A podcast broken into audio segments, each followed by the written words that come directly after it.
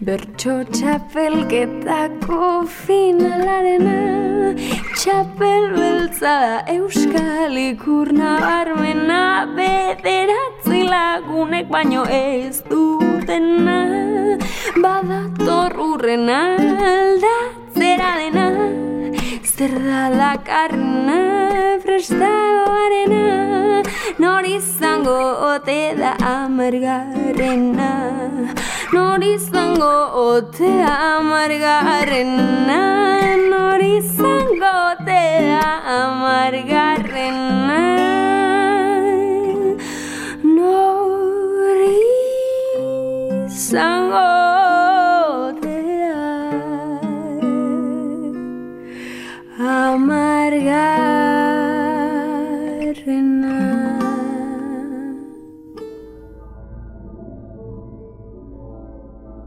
bertsolari txapelketek, une azte utzi dituzte historian.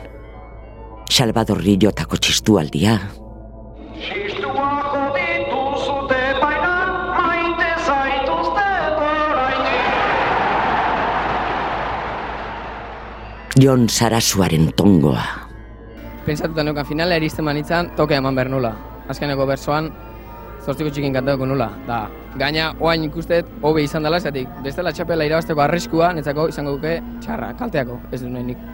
Edo Lizasok dezibelioen errekorra birrindu zuenekoa.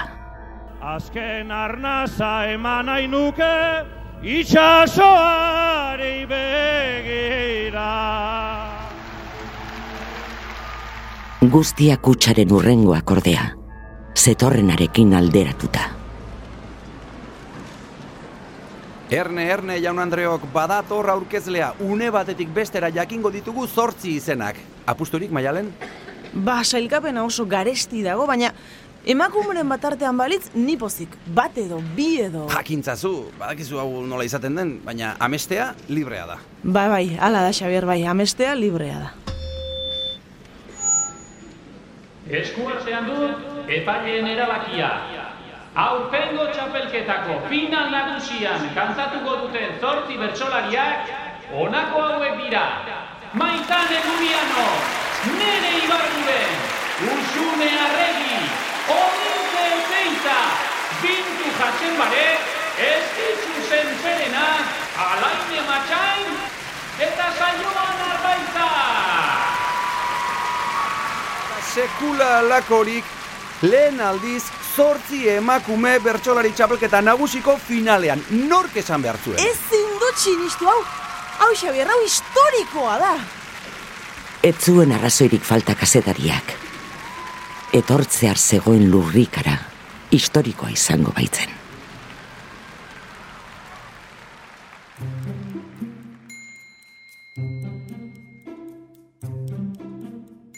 Azimut Faktoriak aurkezten du Amargarena EITB podcast atariaren zat sortutako fikzioa.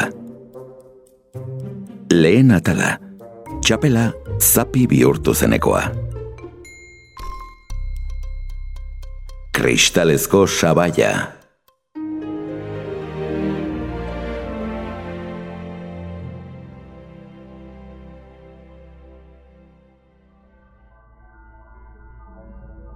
Ordura arte, emakumeak asko jota banaka iritsi ziren final nagusietara.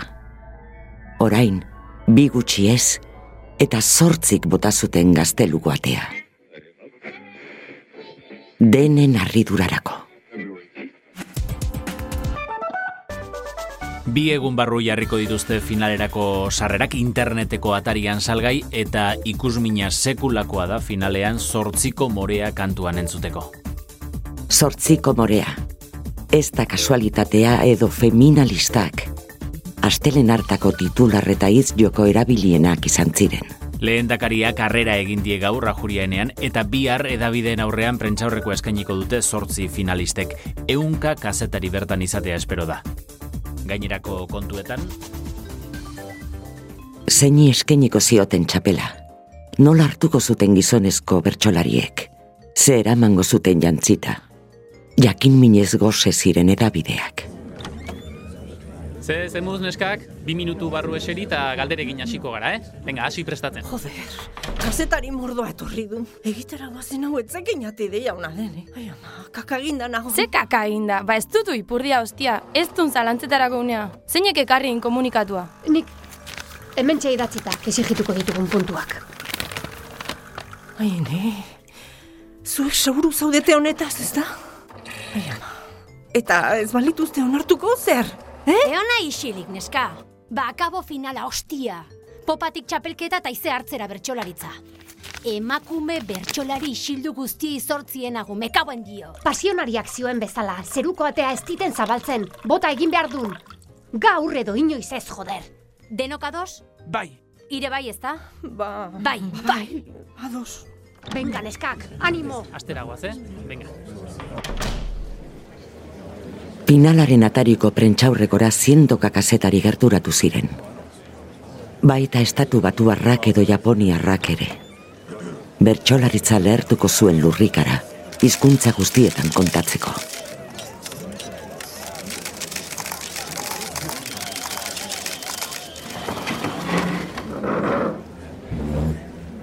Egunon, good morning, konnichiwa, hemen dituzue, zortzi protagonistak. Beno ba, zuena da hitza. Ei, ei, ei, hemen, hemen, aizue, galdera bat, eh? Barkatu, Euskal Telebistarako, derrigorrez egin beharreko galdera. Zer E, te, zaudete? te, te, te, ez, begira. Asko sentitzen dugu, baina hemen erantzuteko puntuak guk jarriko ditugu. Hori da, gaur prentxaurreko honetara etorri baldin bagara, zortzi finalistok eskakizun batzuk dauzkagulako da, puntu zehatz batzuk. Argi gera bedi, eskakizunak betezean, gure eskakizunak betezean, ez dugula final nagusian kantatuko, ez duela inork kantatuko. Aitzen, ea, hasi. Lehen puntua.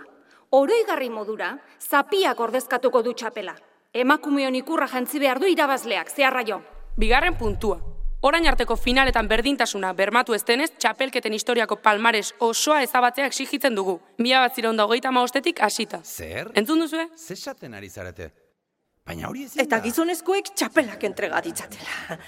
Beno, bizirik daudenek alegia. E, besteek ez dute lan hori hartu beharrik, ez? Baina, baina, baina, baina, jakitun zarete honek Baina sekulako... ze sekulako eta ze hostia, ze? Ta hirugarren tazken puntua. Aitu, eh? Finala emakumeontzat eremu babestua izatea nahi dugunez, eh? Igantean emakumezkoak baino ez dira sartuko aretora. Only women, emakumeak bakarrik. Kapitxi, baotzar hori itxi. Eta bularra emateko Baina- atxedenaldiak ere behar ditugu. Bertxozale elkarteak zer dio honi buruz? Nik zer dakit. Niri ez alakorik galdetu. Finalistenen bidoaren aurrean, bertsozale elkarteak bi aukera baino ez zituen.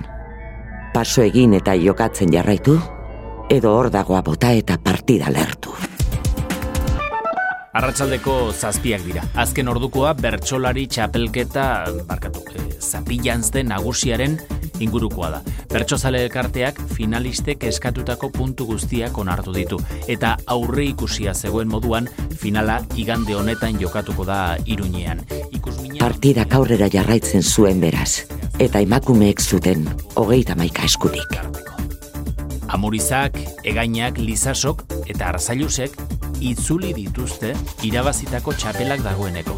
Bestalde, elkarteak barkamena eskatu du finalerako sarrerak erosteko interneteko atariak matxura izan duelako. Bertsozaleak kexu dira zerbitzaria ez da bilelako. Ez dago argi matxura hori zerk duen eta ertzantzak ikerketa Sua sastraka lehorrean bezala zabaldu zen berriaren oihartzuna. Zortzi finalistek, txapel, barka, zapia irabazi balute moduan ospatu zuten erabakia. Bota, bota txampaina! Biba Josepa, plazida eta beste guztiak! Toma! Bete, bete, bete! Zire Haupa, plazida! Esan izuen, ekipo! Borrokak merezizula eta oain bota bergenula atia. Eh? Bazakin jat, ez dela xamurra izan, baina tira. Lortu dinau! Altxako pauiek, topa! Ai ama, zer omen dau? Ze WhatsApp festa? Maitale guztik bate hasi zaizkigu mezuk bialtzen antza? Bainezka, gure kotizazio asko igo du. Itxon, Baina, ze hostia du nau? Ze biali diten zakil foto bat edo zer? Ez ez. Zer da? Mezu badun. Anonimusen Ze? tankerako Eh? bideo mezu bat zirudin. Anonimus, mesedez, eh? Ara beste. Mila eta hogeta seia urte terriblian gera Zortzi andrazko merezi gabe pasa dira finalera Orainatia itxi nahi dute eta gizona kalera Gumenderatzen kostako zaie antolatutzen bagera Baina zein hostia ditun pizzatu hau. Xilikan, xilikan, eskat, xilik. Jantziagatik osoa beti otsoa Urera jartzen dugu sarreren azken ziberrera soa Ai, ba, Dios. Segiko dugu boikoteatzen aurtengo final osoa Gora betiko bertsolaritza, gora betiko bertsoa Baina zein hostia ditun pizzatu hauek. Datorren igandean boikota finalari Falta zena. Gora betiko bertsoa, betio! Ze presto? Ze saniten betiko bertsoa? Bai, hoixe. Ai, ama. Jo, eh, esaidazu ez dugula bertso anonimus bat sortu. Hauek ez da. Aizue, baina, sarreren mobida beren gain hartu baditen. Falta zena. Ez genizkinak gutxi etxi behar, ez? Baina ze esaten, favorez. Hiru xenpelarrek, e, hiru astapotrok beldurtu behar bagaitizten, gauza bat esango izuet. Hemen jendek mundu berrin bizitzen ikasi behar din, edo zarrarekin batea hil. Ona, ona. Hori ere pasionaria. Ez ez, kalesi, tronuen dema. Beira. Gerra nahi baditen, guk kantatuko dinako gerran. Gerrak, handiak, hotzak, santuak edo psikologikoak izan daitezke. Igande hartan, Iruñen astear zenak ordea, ez zuen abizenik oraindik. Egunon Nafarroaren atik iritsi da, iritsi da hainbeste zeresan eman duen final handiaren eguna.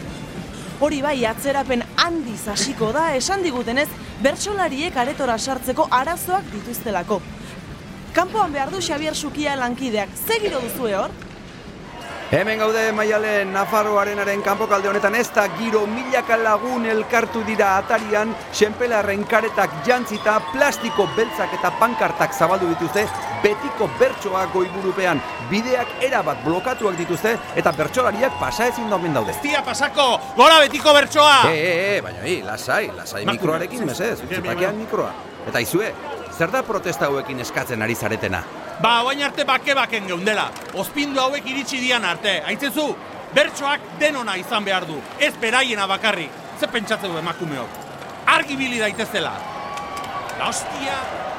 Alaxe daude kontuak hemen ikusten duzuen moduan giroa oso, baina oso oso bero dago, eta uneotan poliziaren sirena hotxak ere entzuten ari gara. Ez alda liskara handiagorik sortuko. Esa era kaladio. Egokitu edo zureak egin du. Zortzi bertsolariek, ez zuten bere alakoan usteko horrela sartuko zirenik finalera. Ai, Dios! Ezen bat artaburu. La madre que os parió, niña. Joder, menuda la que habéis montado hoy aquí. Que son miles. Gure ez esan, joder. Gu kantatzera baino ez gatoz. Ya, ya. ¿Pero qué vais a cantar? Para que estos se pongan como energúmenos. Joder, no lo sabemos todavía. Pues somos bercholaris, eh, como cantaoras, ¿entiendes? ¿Pero qué me estás contando? Pues si no sabéis que vais a cantar, vaya a cantar ahora de los cojones. Hostia, Ikusi alduzu erori! Matxista nazkagarria! Areto barruan oso bestelako giroa zeukaten zain. Adin guztietako amabos mila emakume, urduri, baina historiarako horri baridazteko asbo sendoarekin. Andrea, barka atzerapena. Jaso ditzagun txagan farta hundi batez. Bertxolari zapina azte nagusiko zortzi finalistak! Maizan Elubiano! Nere Marturen! Behin aretora iristeko oztopoak gaindituta, bertsolariek indartsu ekin zioten finalari. Kanpoko protestekin kikildua be. Emakumeok mikrofonoan Jaso izan dugu burla Gaur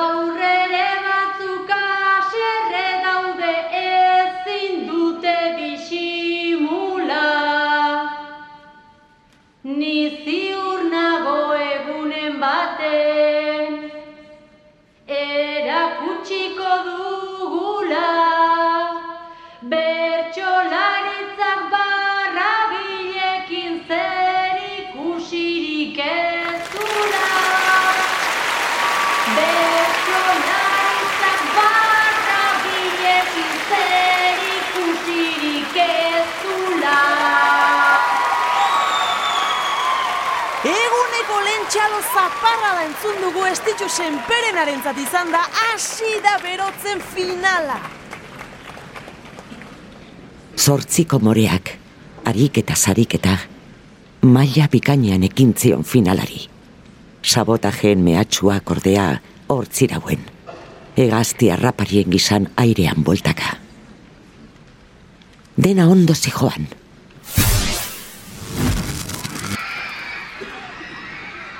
Argia itzali zen arte. Ez, e, ez dakiten zuten hau zuen? Baina hemen areton ilunpetan gelditu gara. Argia moztu dute! Norbaitek bete zuen mehatxua.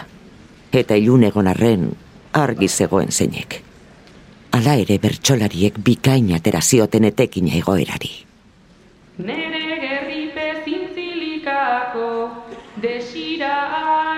ari da puzten Itzalizazu argia eta utzia zalari ikusten Itzalizazu argia eta utzia zalari ikusten Bikaina ez dago egoera hobeto baliatzerik.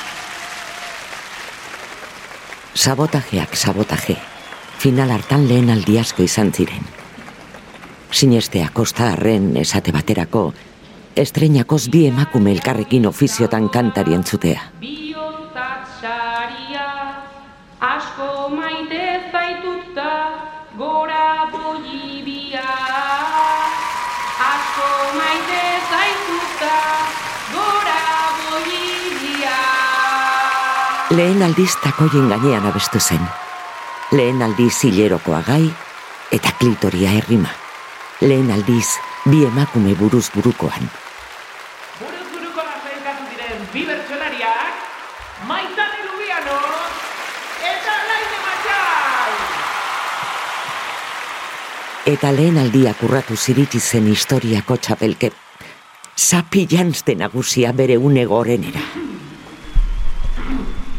Eskuetan dut epaileen erabakia. Mila bederatzireun eta hogeita bi punturekin, Euskal Herriko bertsolari zapiñazte nagusiaren irabazlea, Alaine Matxai! Alaine matxen zapidun, alaine matxen zorionak benetan, bejonde jola izugarrizko saioa egin du, eta bera da, bera da, historiako lehen zapiduna. Beste aintzindari batek, Kristina Bardarasek jarri zion irabazleari zapia. Eta orain bai, finala amaitzeko, entzun dezagun txapeldunaren agurra! Agurraren zai gaude, Zer? Ez duzu lagurri kantatu, behar? Kantatuko dut baina ez hemen. Ba, baina zerbait ari da gertatzen holtzan. Hori hori ez zegoen onartu genituen puntuetan, eh? Guazen, neskak! E, eta badoaz? Baina ez dakigu nora doazen finalista guztiak? Zapiduna buruzutela, zortzi emakumeak korridoreetan barrena eskutatu ziren. Inork eskuartean zertzera bilten ulertu gabe. Aurtengo ekitaldian gertatuko ez denik benetan, eh? Holtza utxik utzi dute bertsolariek. Maialen, Maialen, Maialen, bat bi, bat bi, entzuten da, Maialen. Bai, bai, Xabi, bai, bai, entzun entzuten da, baina barkatu, eh, hau ez da momenturik onena ze finalistak harrapatu nahian gabiltza. Begi biztan dauzkat hau hau izugarria da, Maialen, muturen aurrean dauzkat. Zer nola? Ba, ba aurrera, Xabi, ba, goazen, ba, goazen Nafarroaren kanpo aldera. Alde hemendik, buena! Teilatura igo dira, teilatuan daude zortziak. Eta entzuten duzue zein harrera egin dieten kanpoan daudenek txistuak eta irainak entzuten dira, plastikoak atera dituzte, baina erne, erne, erne, zapiduna hitza hartzera dola dirudi. Ba, agurra kantatzera akaso? Bestakit, teilatuan kantatu behar du.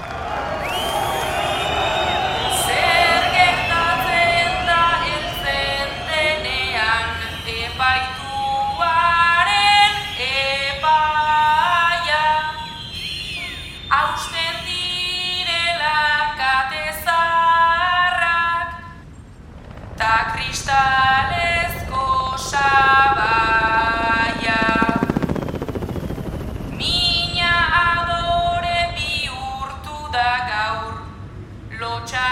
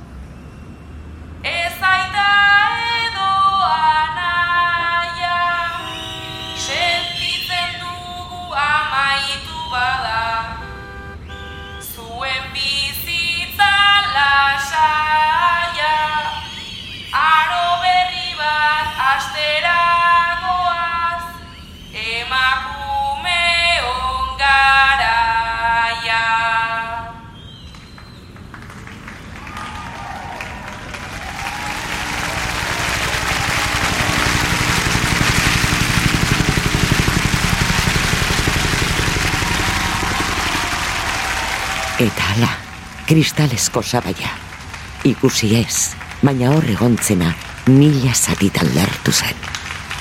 Jaun Andreok, ez, hobe, senyorak, garai berri bat iritsi da bertsolaritzara.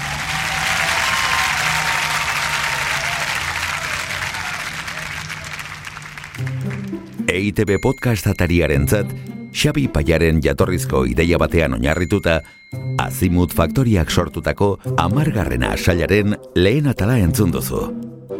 Kristalezko sabaia. Zuzendaria Iñaki Bera Etxe. Gidoilariak Aitzol Barandiaran eta Xabi Paia. Aktoreak Xabiar Zukia, Maialen Arzaluz, Ane Gabarain, Jose Felipe Auzmendi, Aitzol Barandiaran, Iñaki Guridi, Aintzane Gamiz, Aner Peritz, Julene Iturbe, Usue Alkorta, Arantxa Moñuz, Jon Iraola, Nagore Aramburu, Itziar Urreta Bizkaia, Ander Bildosola eta Dana Herriaino. Soinu diseinua Iñaki Bera Etxe. Musika Dana Herriaino. Grabaketak Xavier Rabalde. Nahasketak Mediabox. Eta ekoizpena Ione Zabala.